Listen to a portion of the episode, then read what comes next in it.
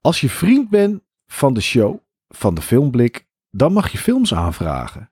En zo deed dat ook mijn oudste ja, bonuszoon, laten we hem zo maar noemen. En die vroeg aan Lords of Chaos. Een film over ja, een black metal band genaamd Mayhem. En de muziek ken ik, want die heb ik bij hem wel eens gehoord. Maar de film had ik nog nooit gezien. En ja, hij vond dat het de tijd voor was. Hij vond dat het tijd was voor Lords of Chaos.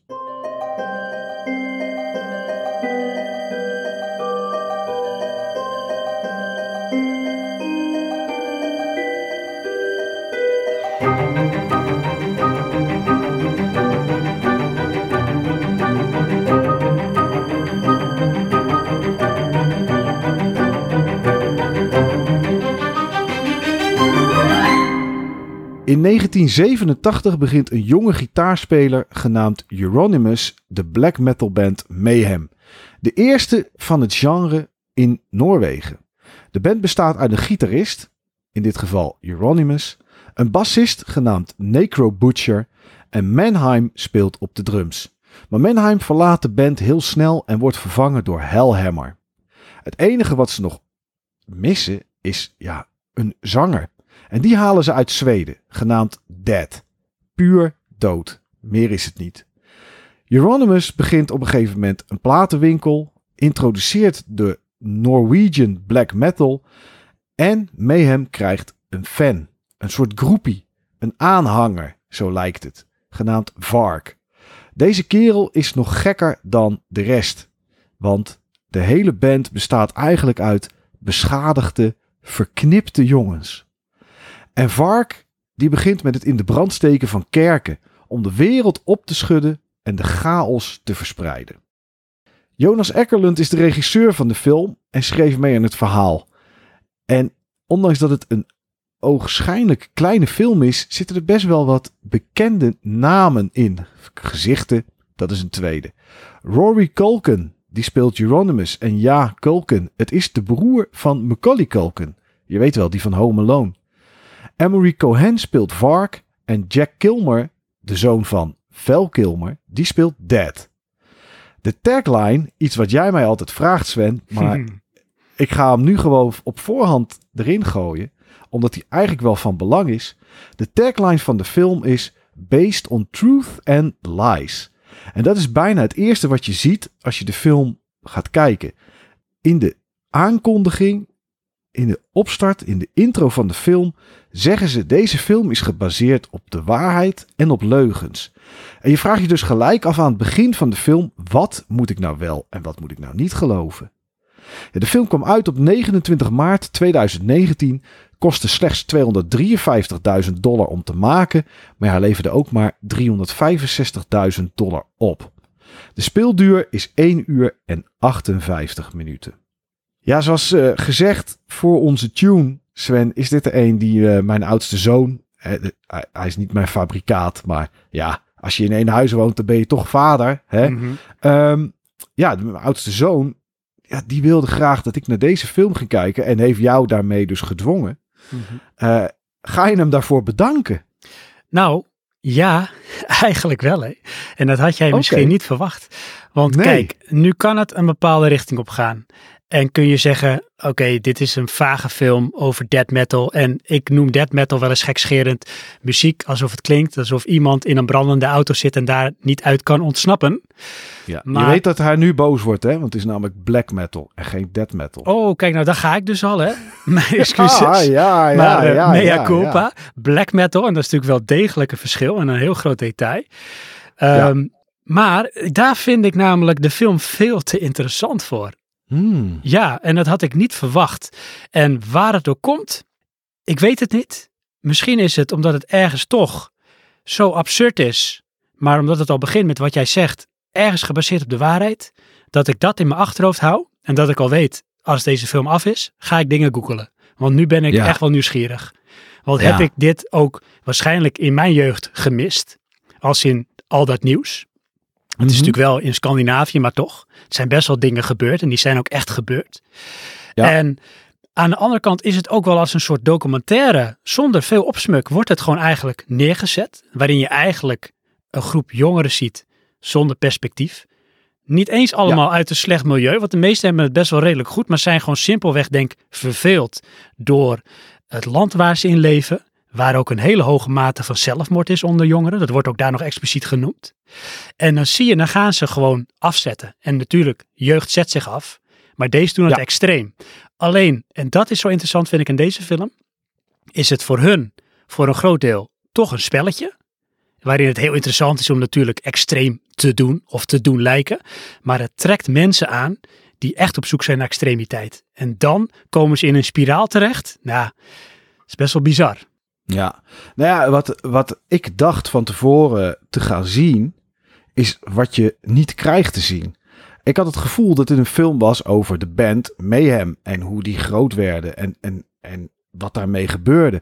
Maar eigenlijk gaat de film helemaal niet over die band. Want die band is eigenlijk ja, wat de personages eromheen aan elkaar verbindt.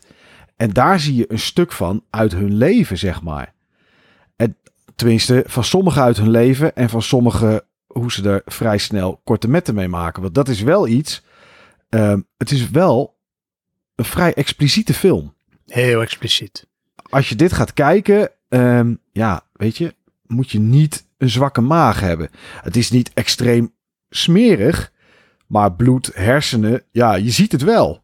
Snijden, steken, weet ik wat. Je ziet het. Ja. Het, is, het wordt niet verbloemd. Het wordt niet zeg maar subtiel, zoals in Hollywood wel eens gedaan wordt gedaan. Nee, dit is echt R-rated. Het gebeurt en je ziet het gewoon gebeuren. Ja, en het is eigenlijk, hè, we hebben ooit Straight Outta Compton hebben we besproken als film. Deze film is eigenlijk alles wat Straight Outta Compton niet is. Want Straight Outta Compton was een groep die ging voor succes. Dat succes kregen ze, werden steeds groter. Tuurlijk, was wel wat tegenslag. Ging allemaal een beetje een andere kant op. Um, maar ging over het succes van de groep NWA. Dit gaat niet over de band Mayhem. En dit gaat zeker niet over succes. Want dat is wel één ding. In Lords of Chaos is er weinig succes wat ze boeken. Klopt. Dat is wel interessant, hè? want uh, het hoofdpersonage Euronymous is eigenlijk heel erg op zoek naar succes. En ja. Die zet een soort ja, persona neer. Iemand die die niet is, maar zich wel doet voorkomen. En voor hem, en dat, dat geeft hij wel gaandeweg de film steeds wel een beetje aan, is het van, ja, is het nou serieus? Nee, het is voor hem eigenlijk meer een spel, een means to an end, om toch faam te behalen. Ja. En dan komt op een gegeven moment Vark komt, uh, zeg maar in, uh, in beeld. In het begin wordt daar nog een beetje lacherig om gedaan. Het is een beetje een, een kneusje die uh, van verder weg komt uit het land. je ziet dat, de, wat ik zei, ehm, hoe zij ermee omgaan, dat ehm, Mayhem, die band, en het verheerlijken van eigenlijk een soort van geweld en extremiteit, mhm. dat trekt een bepaalde groep of een bepaalde soort personages, personen aan. Waaronder andere dus die Vark. En je ziet dat voor hem is het eigenlijk het omgekeerde. Hij is echt letterlijk op zoek naar die extremiteit waar Euronymous alleen maar gebruik van maakt voor zijn faam. Ja, ja, ja, dat is het. Want inderdaad, als je hem ziet, heeft hij uh, heeft hij zo'n patch heeft hij op zijn shirt van Scorpions. Um, komen we zo nog wel even op terug. En lijkt hij helemaal niet een enorme ruige gast. hij lijkt eigenlijk iemand die ja, eigenlijk wat te zwak is voor de ruigheden die de band doet. Want Dead, de zanger, gespeeld door, um, uh, door Jack Kilmer, de zoon van, ja, die staat op een optreden gewoon in zijn pols te snijden, waarbij het bloed over het publiek spuit. Ja. En dat is echt gebeurd. Ja. Dat heeft hij echt gedaan. En het publiek vindt dat geweldig. En op die manier, door zo extreem te zijn en te, en te doen, krijgen zij toch een heleboel faam en mensen die, ja, die hun aanhangen. En Vark is er daar één van. Ja. ja het deed me ook ergens uh, sterk denken aan ehm, de muziek die ik uh, zeg maar in mijn jeugd luisterde, bijvoorbeeld Nirvana. En hoe ook zeg maar de opkomst van grunge zorgde voor een bepaalde, nou ja, opstand, rebellion onder jeugd, weet je wel. Om een mhm. soort van dwars te zijn en een ander geluid te kunnen horen. En dat zie je hier ook. Je ziet dan met name, denk ik, in die Scandinavische landen, in die tijd, in, in die era, die jaren tachtig, dat er een soort hunkering was naar verandering of zo. Of uiting van iets onvrede, onmacht. En je ziet dus dat een groot deel van de jeugd is dus echt op zoek naar die extremiteit. Dat echt heel extreem is wat daar gebeurt. Ja, ja en alles ehm, wat je ziet in de film, moet je je wel bij afvragen. Is dit waarheid of is dit een leugen? Ja. En dat hadden we ook bij Straight Outta Compton. Er waren een aantal kleinere dingen die niet klopten. Alleen dat is hier wel in het extreme doorgetrokken. Er zijn heel veel dingen die echt niet kloppen. En dat vind ik wel aan de ene kant jammer voor een film die meer documentaire lijkt te zijn dan dat Straight Outta Compton dat bijvoorbeeld was. Mhm. Ik weet niet wat je allemaal gelezen hebt. Kijk, ik had, ik, ik had mijn zoon naast me zitten tijdens de film. En aangezien die heel erg in die muziek en in die materie zit, kon hij me van alles vertellen over dingen die niet klopten. Zoals Euronymous veel meer doorgedraaid dan in deze film. Er is een zelfmoordscène met een shotgun. Ja.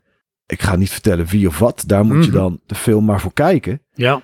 Maar in de film zie je niet dat Euronymous die persoon eigenlijk aanspoort om dat te doen.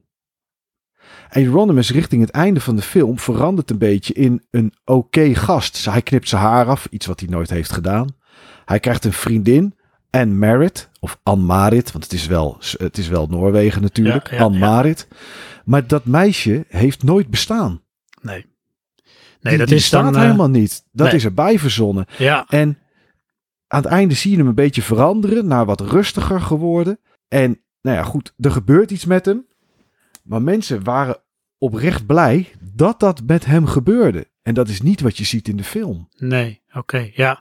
Ik kan me voorstellen dat het misschien in de lijn van het verhaal interessanter kan zijn, weet je, als dat soort dingen spelen. En dat het op die manier ook jou als kijker misschien hem likable maakt, Euronymous. Eh, En Ja. dat je voelt waar iets heen gaat lopen, zonder dingen te verklappen. Andere dingen, en daar ben ik ook benieuwd of dat nou echt zo gebeurt is of niet. Hè? Dus er is een zelfmoordscène. En Dat is gebeurd. dat is gebeurd inderdaad, maar in plaats Ja. van dat, ja, weet je wel, eh, het is nu klaar, het is over, we moeten hulp inschakelen, maakt in dit geval iemand een keus om daar anders Ja. mee om te gaan. Ook weer voor een Ja. soort eigen gewin. En zelfs zo, en dat heb ik dus wel gefactcheckt, en dat schijnt dus ook echt zo te zijn, dat die is gewoon foto's gaan maken van het lijk. En dat heeft ook gebruikt als een albumhoes voor een van Klopt. die eerste albums of LP's. Ja, ja, dat klopt inderdaad. Ja, ja, dat is gebeurd. Maar ja, op een gegeven moment als Vark bij de groep komt, die overigens nooit patches van de Scorpions heeft gehad, en de ontmoeting die ze hebben in een kebabzaak ook niet heel erg eh, logisch is. Dat schijnt ook niet gebeurd te zijn op die manier. Maar zij gaan op een gegeven moment kerken. Hij gaat kerken in de brand steken. Het is trouwens de mooiste beelden die er zijn uit de film. Om daar even op terug te komen. Want de film is echt heel plat. Recht toe, recht aan. Niks speciaals. Nee. Geen bijzondere shots. Het is echt... Ja, de, de film is gemaakt door Vice. Die we natuurlijk kennen van documentaires. Ja. Eh, en is dit film. Maar ja, weet je, het lijkt, het lijkt wel een beetje op een documentaire.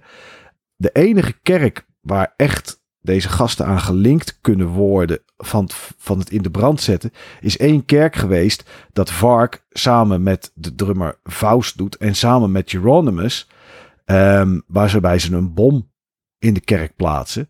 Dat is de enige die waarschijnlijk echt gebeurd is.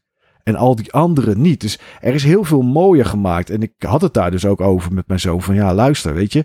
eh, hoe wordt hier dan op gereageerd in, in de, de, moet ik het goed zeggen, in de Norwegian black metal scene? Ja, heel veel mensen die het verhaal kennen, die verafschuwen de film. Want die zeggen, het klopt niet. Wat hier gebeurt. Er zitten zoveel dingen in die Ja. niet kloppen. Ja. Ja, en aan de andere kant, mensen die wel van deze muziek houden, van deze hardere gitaren met schreeuwende mannenmuziek, of vrouwen, ehm, ja, die kunnen het wel weer interessant vinden, omdat ze, je leert wel iets. Ja. Nou, dat is want het de ook. basis van de film, die klopt. Ja. Alleen, ja, heel veel details kloppen gewoon niet. Nee, kijk, heb ik me niet aan gestoord. Hè? Want ik zit sowieso natuurlijk niet in de Norwegian black metal scene. Zeg ik het nou Nee. goed? Jazeker, Oké. tenzij het verkeerd in mijn aantekeningen staat en ik, en ik als zodra deze online staat, eh, een portie klappen krijg je Ja, thuis. nee, nou, dan, eh, Maar die neem ik dan wel op. man. Ja. Eh insgelijks ik ook dan als dat zo is. Dus bijvoorbeeld, sorry. Ehm, kijk, voor mij was dit gewoon een introductie in eh, dit wereldje. Ik vond het daardoor echt heel interessant. En het was voor mij dan minder relevant of dingen nou echt gebeurd waren of niet. Ik kreeg een impressie van, en dat is denk ik dan wel echt zoals het is, ook wat ik heb teruggezocht, hoe die jeugd toen met die extremiteiten omging en hoe dat zeg maar ook zeg maar escaleerde. Ik heb nog wat dingen opgezocht van Vark, want die is dus ook opgepakt. Die heeft ook vastgezeten jarenlang. Is dus vrijgekomen, is geëmigreerd naar Frankrijk. Heeft volgens mij ook gewoon een gezin nu. Maar is nog steeds wel een hele bijzondere vreemde vogel. Ja, maakt nog wel muziek, maar dan echt met een gewoon gitaartje of zo. Of weet ik veel. Ik had een YouTube filmpje gezien waar hij wat muziek op zat te maken. Ja.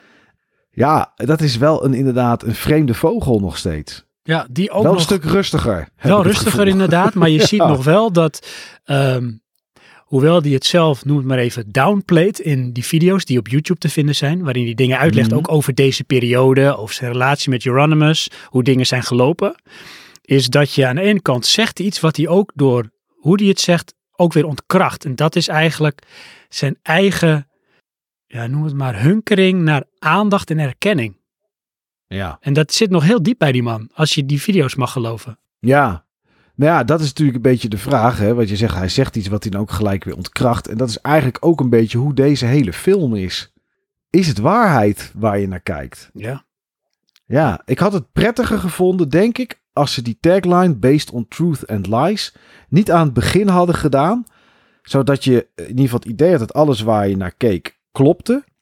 Maar aan de andere kant zet het je ook een beetje op scherp als je de film kijkt. Omdat je bij alles afvraagt, ja, dit is wel heel extreem. Iemand die op een podium in zichzelf gaat staan snijden en bloed over het publiek laat stromen.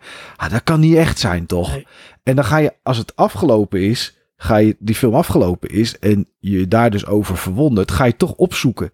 En dan ben je dus eigenlijk langer bezig dan die 1 uur 58 dat de film duurt. Zeker, want ik had er nog wel een vraag. Hè, dat, ik weet niet hoe jij daar ehm, eh, over nadenkt, of hoe je daarbij stil hebt gestaan, of met je zoon over hebt gehad. Maar ik zit dingen dan, ik zie dingen gebeuren in die film. En dan denk ik, huh? maar eh, ten eerste, waar waren die ouders? Eh, wat weten zij hiervan?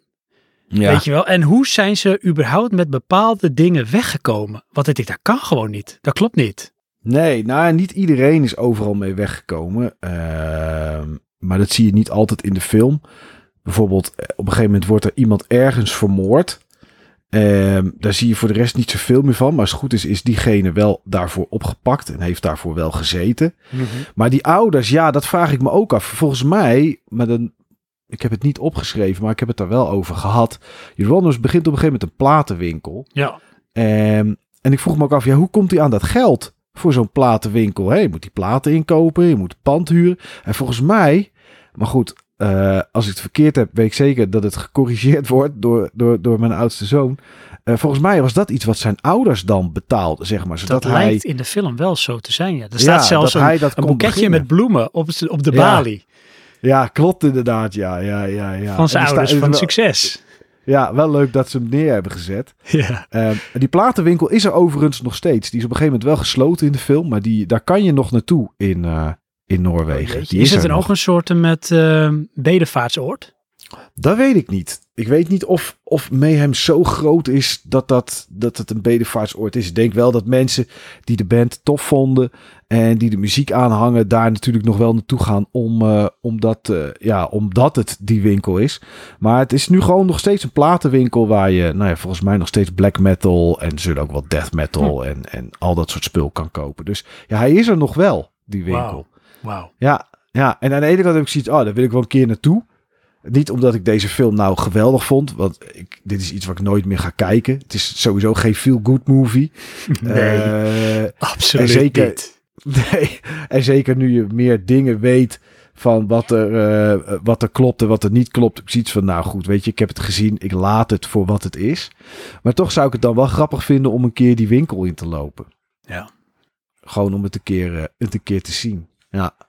Een verzoek van een vriend van de show. Dat is wat Lords of Chaos voor ons was.